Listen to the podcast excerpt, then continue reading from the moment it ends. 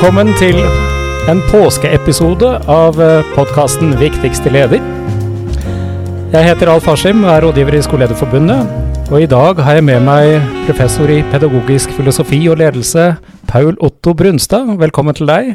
Takk for det. Og litt sånn inngangen til det vi skal snakke om i dag, da tar jeg et lite sitat fra Hurdalsplattformen, eh, hvor det heter at det beste med Norge er den høye tilliten vi har til hverandre, og det sterke fellesskapet som binder oss sammen. Og eh, allikevel, selv om det var status i 21, så er det likevel behov for en tillitsreform. Hvordan skal vi forstå det? Jeg tenker vel at um, det er vel uh, tegn i tida som tyder på at den tilliten som har vært så viktig som Hurdalsplattformen framhever, at den kanskje kan begynne å krakelere litt i vårt samfunn også. Hmm. Hva, hva, tror du er årsaken? Um, det kan være, og jeg tror kanskje også det er noe av forklaringa, at avstanden mellom uh, det styrende systemet og førstelinje, de som jobber med veldig komplekse saksforhold i vårt samfunn, at den avstanden begynner å bli litt stor. Ja begynner å bli litt strekk i laget. Mm. Det er litt sånn interessant, for uh, altså, det, nå har jo du nettopp vært på et, uh, en konferanse om uh, tillitsreform og skoleverk i, i Molde. Og vi må jo si for, for, vår del her i forbundet at vi, vi har litt utfordringer med å skjønne hva det er for noe ennå. Fordi en viktig del med tillitsreformen er jo å få delegert beslutningsmyndighet lavere ned ikke sant, i, i eh, organisasjonen. Og så, så, har det jo skjedd en del ting. Vi uh, fikk jo for ikke så lenge siden en rapport om etterlevelse av opplæringsloven. Og eh, sist fredag også da proposisjon om ny opplæringslov. Og kanskje en opplevelse av at detaljreguleringen er like stor i det forslaget til ny opplæringslov som, som, vi, den, som vi, har vært vant til. Og at handlingsrommet på sett og vis blir litt snevert. Og det er liksom, i, i en sånn kontekst så blir jo tillitsbegrepet litt sånn utfordrende. Ja, og det, det tror jeg er noe av Hvis en tenker videre inn i det problematikken som mm. nå du ruller opp, så tror jeg at det er viktig å bevisstgjøre seg på hva tillit dypest sett er. Mm. Og da har det vært en interessant runde for meg å gå filologisk til verks.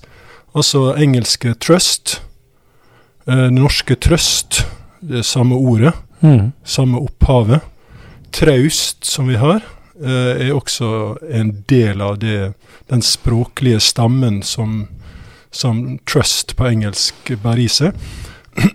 Og jeg tenker at Eh, tillit er veldig konkret. Det er veldig kroppslig. Det er veldig taktilt.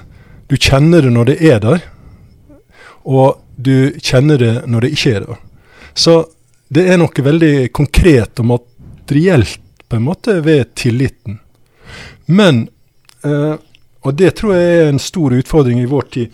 Altså vi, Det som jeg har begynt å kalle for eh, abstraksjonstyranniet der eh, veldig klare verdibegrep uthules, tømmes for eh, det konkrete innholdet, abstraheres ut av de konkrete sammenhengene der ordet hadde mening, og løftes opp på et abstrakt teoretisk nivå. For så å komme tilbake igjen til jorda mm. uh, uten særlig jordingskontakt eller uh, nærhet. Vi så vel et eksempel på eh, noe sånt i uh, eh, 22.3 i Aftenposten. Uh, når, um, da var det en kommentar fra Frank Rossavik. Det var, uh, så vidt jeg forsto, utløst av en Facebook-post som Dag Vollebekk fra Institutt for samfunnsforskning hadde. Hvor han, altså Vollebekk skrev at tillit har blitt snudd til et retorisk våpen for å beskytte makt, forhindre endring og stilne kritikk. Ja, jeg syns det var en veldig treffende kronikk nettopp i lys av en sånn abstraksjonssak. Mm. Eh, fordi at det tømmes sitt, for sitt opprinnelige innhold. Og så gjør det Kanskje skulle vi heller kalle det en lydighetsreform. På meg virker det kanskje vel så mm. treffende å kalle det det, da. Ja, ikke sant. Jeg, jeg, må jo være veldig forsiktig med å legge noen politisk slagside til dette her, selvfølgelig. Det er jo Naturlig nok. Naturlig nok. Også, men, men, det er jo noe med, med, hva man bruker eh, begrepet til. Og, og det som Rossavik peker på i denne artikkelen, er jo nettopp eh, at eh, de som styrer, de bør ikke bruke tillitsbegrepet for ofte. Mm. Nei, og det er den inflasjonen som, som er med å tapper eh, verdien av begrepet, og som kan gjøre det at det kan brukes til sitt motstykke, men at det bevarer sin på en måte emosjonelle eh, karakter. Hmm. For, for det, tillit det høres jo så tillitsvekkende ut å snakke om tillit, men det blir jo ganske så farlig når den emosjonelle, positive responsen som ordet vekker, eh, da brukes i negativ eh, retning. Det gjør det. Og det, og det er litt det som, um, som vi, vi, er litt spent på. Blir de konkrete hva skal man si, det konkrete utkommet ja, av en tillitsreform? Fordi uh, det vil jo være nærliggende å tillegge at, eller tenke seg til at det er noen form for mistillit et eller annet sted. Men um, samtidig så altså med Eh, den, eh, altså etymologien rundt begrepet tillit, så, så altså begrepet traust, altså det er noe som er kjedelig, men samtidig noe som er stabilt, ikke sant. Mm. Og det, det, tenker jeg er viktig å ha med seg, også, fordi det er jo noe med Hvis du vrir det inn på den typen diskusjon, altså det med at vi er i en veldig omskiftelig tid, så trenger man en form for stabilitet. og jeg uh, syns jo det er rart at uh, ikke mange andre har liksom pekt på den i, i denne sammenhengen. Mm. Nei, for, det, for, jeg tenker at tillit, det er det du kan trøste deg til, fortrøste deg til, når ting blir uh, komplisert, når vanskelige og komplekse saker dukker opp, der du ikke har oversikt, så trenger du et eller annet å holde fast i. Noen mm. som har gitt et løfte som, mm. som står der, og som du kan lene deg mot. Men en tillitsreform av den art vi har fått nå, du kan liksom ikke i tunge tider sette deg ned med tillitsreformteksten fra Hurdal eller andre dokument, og så finne så veldig masse trøst i det. Eh, sørgelig nok. Nei, ikke sant. Det, og det, det, er jo en litt sånn um, utfordring. Også, selvfølgelig er alt sånt mye lettere i fredstid enn uh, en sånn som uh, situasjonen er, er, per nå.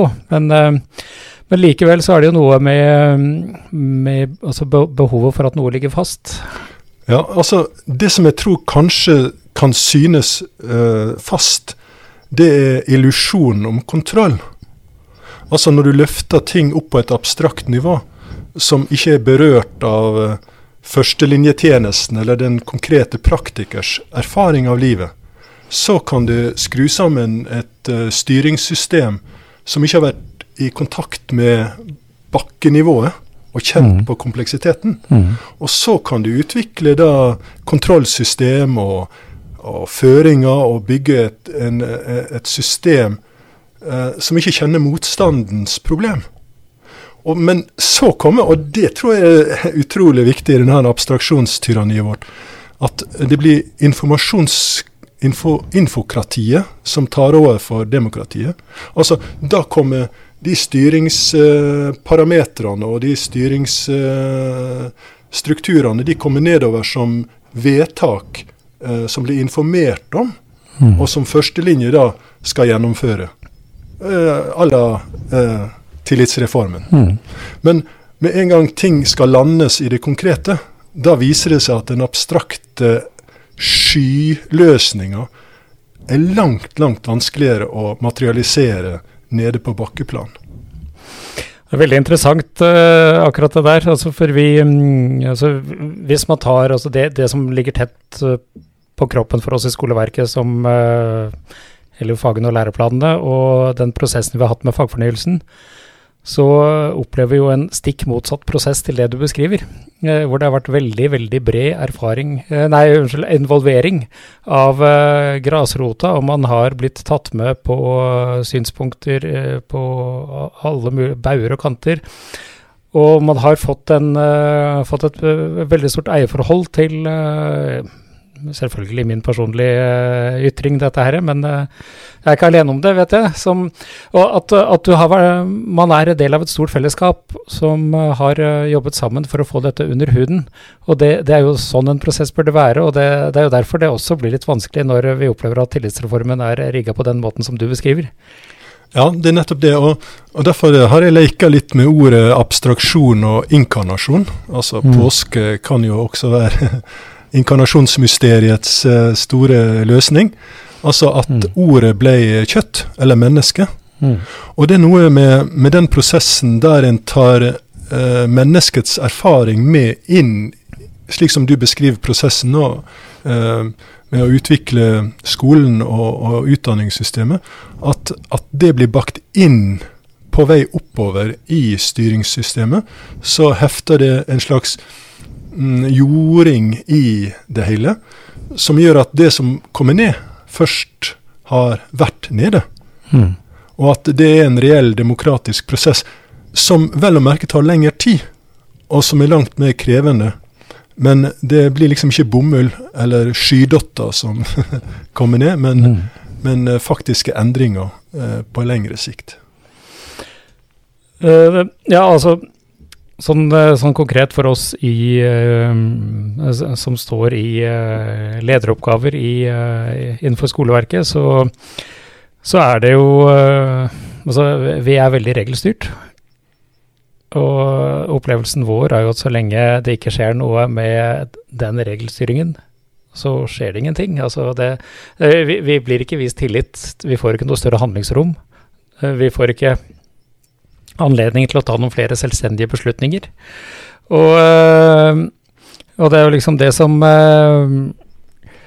er en litt sånn utfordring med, med, for å komme tilbake til med, med hvordan tillitsreformen er rigga. Men hvis man tenker på da den tenkemåten som uh, vårt direktorat har, har, jobbet etter uh, siden vi uh, fikk Ludvigsen-utvalget, og, og skulle begynne å, å følge opp det, det, som lå der, så, så, så, er det jo så er det jo nettopp det, det her med å kjenne landskapet. Også at du, du må kjenne landskapet før du tegner kartet. Mm. Altså, På den Molde-konferansen som jeg var på, så, så dristet jeg meg til å bruke et bilde fra norrøn mytologi. Og Det er Yggdrasil, da, mm. som eh, står på bakken og har sine røtter nede i Mimes brønn. Eh, og det er røttene nede i visdommens eh, eh djupe brønn, da. Også at røttene trekker visdommen opp av jorda, under jorda, det som er skjult, og så opp i treet, og så bærer livets tre frukt. Men så er det en uh, sak som heter nidhogg, som hver dag prøver å gnage av de røttene ned i jorda, uh, slik at livsens tre skal visne. Men så kommer jo nornene da, og så kaster vann på for å reparere det som Nidhogg da forsøker å, å kutte forbindelsen til. Og det er noe av det Nidhogg-greiene Jeg tror den abstraksjonsverden vi lever i, egentlig er ganske farlig. For den kutter forbindelsen med eh, praksisverden og skaper en forenkla virkelighet som gir inntrykk av makt og styringsmuligheter, som mm. fort kan bli en illusjon. Ja, det det er litt det som eh, For å vende tilbake igjen til Rosavik litt, da. For det, er litt, eh, litt det jeg opplever han beskriver, eh, rett og slett, i, den Syns jo alle burde lese, lese, den kronikken i Aftenposten, men, men, men der også skriver han jo Altså, det handler jo om, om tillit som hersketeknikk, sånn, sånn, i utgangspunktet. Men han er jo veldig da opptatt av at uh, dette kan kompenseres til en viss grad med åpenhet. Sånn at altså, du, du, du snevrer ikke inn, altså du, du, vier det ut på en måte. At, um, for da ble jo uh, bl.a. Bernt Høies kommunikasjon altså, der, der, var tillit til en hersketeknikk, men samtidig jobbet han ut veldig mye med stor åpenhet rundt kommunikasjonen. Og at det var med på å liksom, bygge ned hersketeknikkopplevelsen. Mm. Og, og, det tror jeg er et veldig viktig poeng for enhver god leder, at eh, til tider må en, og særlig i krise og konflikt der det virkelig står masse på spill, så må en eh, bruke autoritet. Mm. Og noen ganger så blir det informasjonslinja som gjelder. Mm. Men som Aristoteles sier, så bør du eh, reflektere og diskutere langsomt. Eh, og handle raskt. Eh, så jeg tror at eh, eh, styrken i en tillitsutvikling der folk får tid til å utvikle tillit, for tillit tar tid, så vil en kunne ha et samfunn som både har de langsomme linjene, og når det trengs, også kunne handle hurtig og raskt. Så mm, der ligger vel noe av uh, hemmeligheten, vil jeg tro. Ja, og det er noe med, med det å kunne ha både handlingsrommet, men også tryggheten til å vite hva du kan gjøre. Altså, du, du må jo ha og det, og det, er liksom en, en, ting som jeg tenker på som, som veldig viktig, eh, altså, sett i et ledelsesperspektiv, at du, at du har trygge rammer. Og at du vet at uh, innenfor de trygge rammene, så, så er du også iallfall klar over mye av handlingsrommet du har. Og jeg tenker jo at det sånn sett helt subjektivt sett fra, fra min side, så at, at, det er der en tillitsreform på en måte må begynne. Ja, og det, det tror jeg er med, og det handler da om strukturer eh, i stor grad mer enn mm. fine eh, ord. Mm. Altså, jeg tror det må gis større rom og tid for å utvikle eh, eh, tillit på grunnplanet eh, på et horisontalt plan. Et, et, en, men, en, men en, et system som ikke gir rom og tid til å utvikle tillit, kan jo ikke utvikle tillit. Mm. Mm. Så tillitsreformen må også være en systemreform. Mm. Og det er den som gjenstår. Det å gi folk rom. Men idet en gjør det, så åpner en også et rom for risiko for å feile. Uh, og hvis en da invaderer det handlingsrommet med nye regler og nye mm. kontrollsystem, ja, da var kanskje bedre at en lot være å, å, drive den tillitsreformen. For det blir bare et skalkeskjul for, uh, for maktens uh, behov for eliminering av, av motstand og, og, og risiko. Og, og, jeg syns Simon Weil hun har skrevet en utrolig interessant um, tekst som heter La Force, som tar for seg noe av Det tredje rikes framvekst før krigen. Og da pekte hun på noe av det samme, at en kraft som er forankra i en illusjon, basert på en forenkling av tilværelsen, kan gi makta en veldig, veldig sterk følelse av at de har kontroll. Mm. Uh, og den kontrollen, den møter ingen motstand. Den bruker alle de positive ordene, bruker alle de positive konnotasjonene og de moralske riktige begrepene, men eh, er bærer av noe som da på sikt kan virke utrolig ødeleggende. Og det er der jeg syns at den abstraksjonsbiten i vårt samfunn nå um, kan bære med seg noe som er både antidemokratisk og ødeleggende for, for fellesskapet.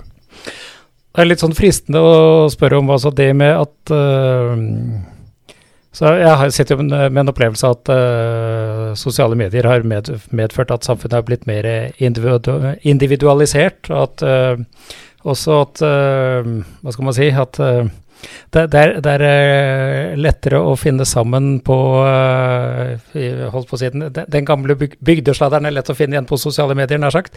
Og at, uh, at, at det har utløst noen uh, mekanismer som man kanskje ikke kunne forutse i 2005-2006, før dette liksom begynte å ta av. Tror du, tror du, det er en faktor? Ja, helt, helt opplagt. og um, jeg tenker den, den med, har noe av denne avmaterialiseringa og avkontekstualiseringa som gjør at uh, uh, den tregheten uh, Altså, vi snakker om massebevegelse mm. når vi snakker om idrett med religiøse massebevegelser. Masse er tungt. Mm. Um, og det tar tid å flytte en masse. så, lenge, så hadde vi masse media. også masse. Så det er masse sånne masse Ja. uh, som var med og bygde vårt samfunn. Og når du tømmer masse, masse og legger grunnlaget med uh, tung masse, så kan du bygge noe oppå. Men vi lever i svermens tidsalder. Altså i stimens tidsalder, der de sosiale mediene ikke har noe tyngde eller masse ved seg, men skape en illusjon om fellesskap eh, eh, som en bisverm eller en fugleflokk, som er kollektiv Mm. og beveger seg i synkron formasjon, men som er én plass en dag og en annen plass en annen dag. Så det er ingen masse som blir liggende igjen. Og, og det er det jeg tror at de digitale, sosiale eh, mediene, da, ikke de massemediene, men de sosiale mediene, som det kalles, har, har gjort verden så voatil, sånn flyktig. Mm. Og det kan se ut som vi har en styrke i fellesskapet, men eh, som eh, eh, flere eh, Vi ser i Afrika, når de skulle ha den eh, revolusjonen som skulle endre Afrika, i Nord-Afrika, Egypt og, og sånn, så endte det i katastrofe. For det er en illusjon om makt som lett Mm. bygges. Litt fristet til å få litt sånn eh, vibber til eh, en bok du har begått for en del år siden som heter 'Klokt lederskap'. eh, og der Nå er det lenge siden jeg har sett i den, det skal jo innrømmes, men, men der er du inne på noe som jeg tenker er, er litt sånn vesentlig, fordi du, du gir jo en litt sånn beskrivelse av uh, noen kardinaldyder og noen dødssynder for, for, for ledelse. Og, det, og dette er jo, så vidt jeg husker, før eh, den der virkelig digitale revolusjonen begynte. Men uh, uh, jeg ser jo for meg at her er det altså, Det er iallfall ting med substans som, som fortsatt er gjeldende. Ja, det er akkurat det. Og, og det å bygge demokrati, det å bygge ledelse som kan stå seg også når dagene blir vanskelige, det krever tid. Og det er jo nettopp noe av tillitens og demokratiets egenart. At det kan ikke utvikles som en svermbevegelse. Men det, det, det, det krever en form for langsomhet. Og så har du eh, hybris da, som en av de virkelig Mm. alvorlige dødssyndene. Og der er jo nettopp det å stige så høyt som Ikaros gjorde eh, Mm. i sin tid. Og, og der han, han, han, han gikk for høyt opp Mm. Mm. og, og falt for djupt ned. Ja, ikke sant. Eh, har jo, um, vi har jo brukt professor Rudi Kjerkehaug ved Universitetet i Tromsø på et par eh, forskningsrapporter som vi har hatt. og eh, spilte jo inn en podkast med han i eh, fjor høst, hvor eh, han snakket om, eh, når det gjelder behovet for ledere, at eh, altså medarbeidernes behov for en eh, leder var en som kunne fylle et åndelig tomrom, altså bla, blant flere. Altså Eh, I og med at eh, verden blir, blir tømt for substans og blir tømt for innhold tilsynelatende i større grad, og ikke minst eh, litt sånn bieffekt av sekularisering, at det er en slags åndelig nød. Hmm. Ja, og, og, og jeg tror at den eh, nøden har noe av tomhetens karakter i seg. Altså, altså at, at eh, den lettheten altså Milan Kondera skriver en bok om, om letthet, mm, og tilværelsen utholdelige letthet. Så når vi tømmer begrep, når vi tømmer eh, samtalen og diskusjonen og dialogen for et dypere meningsinnhold, så tror jeg det også forplanter seg inn i, i mennesket. Og nettopp det trauste som kan trøste. Og da er vi tilbake til det første spørsmålet ditt. mm, Altså, hva er denne tillitsreformen et uttrykk for? mm. Er ikke det nettopp for en fylde, for en stabilitet, for noe å lene seg mot i vanskelige tider, som en kan tro på? Ikke sant. Jeg må til slutt uh, utfordre deg på begrepet tillitsbasert ledelse. Altså, hva, hva er det for deg? Altså, en sann tillitsbasert ledelse rommer uh, et uh, aspekt av risiko i veldig stor grad. For du gir fra deg makt. Altså, hvis ikke du tør å gi fra deg makt og kontroll til uh, dine medarbeidere, så er det mistillit Mm. Det speiler. Mm. Eh, så tillitsbasert ledelse, det er en eh, risky business. For det gir dine medarbeidere rom til å utøve faglig skjønn.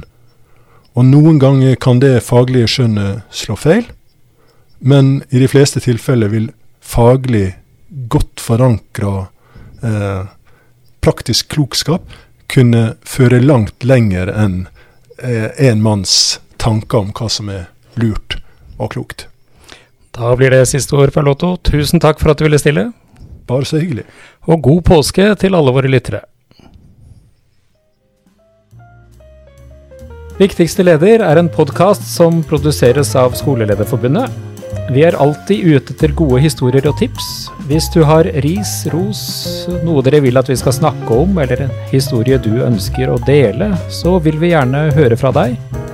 Send oss gjerne en mail på podkast. Takk for at du hører på oss. På gjenhør.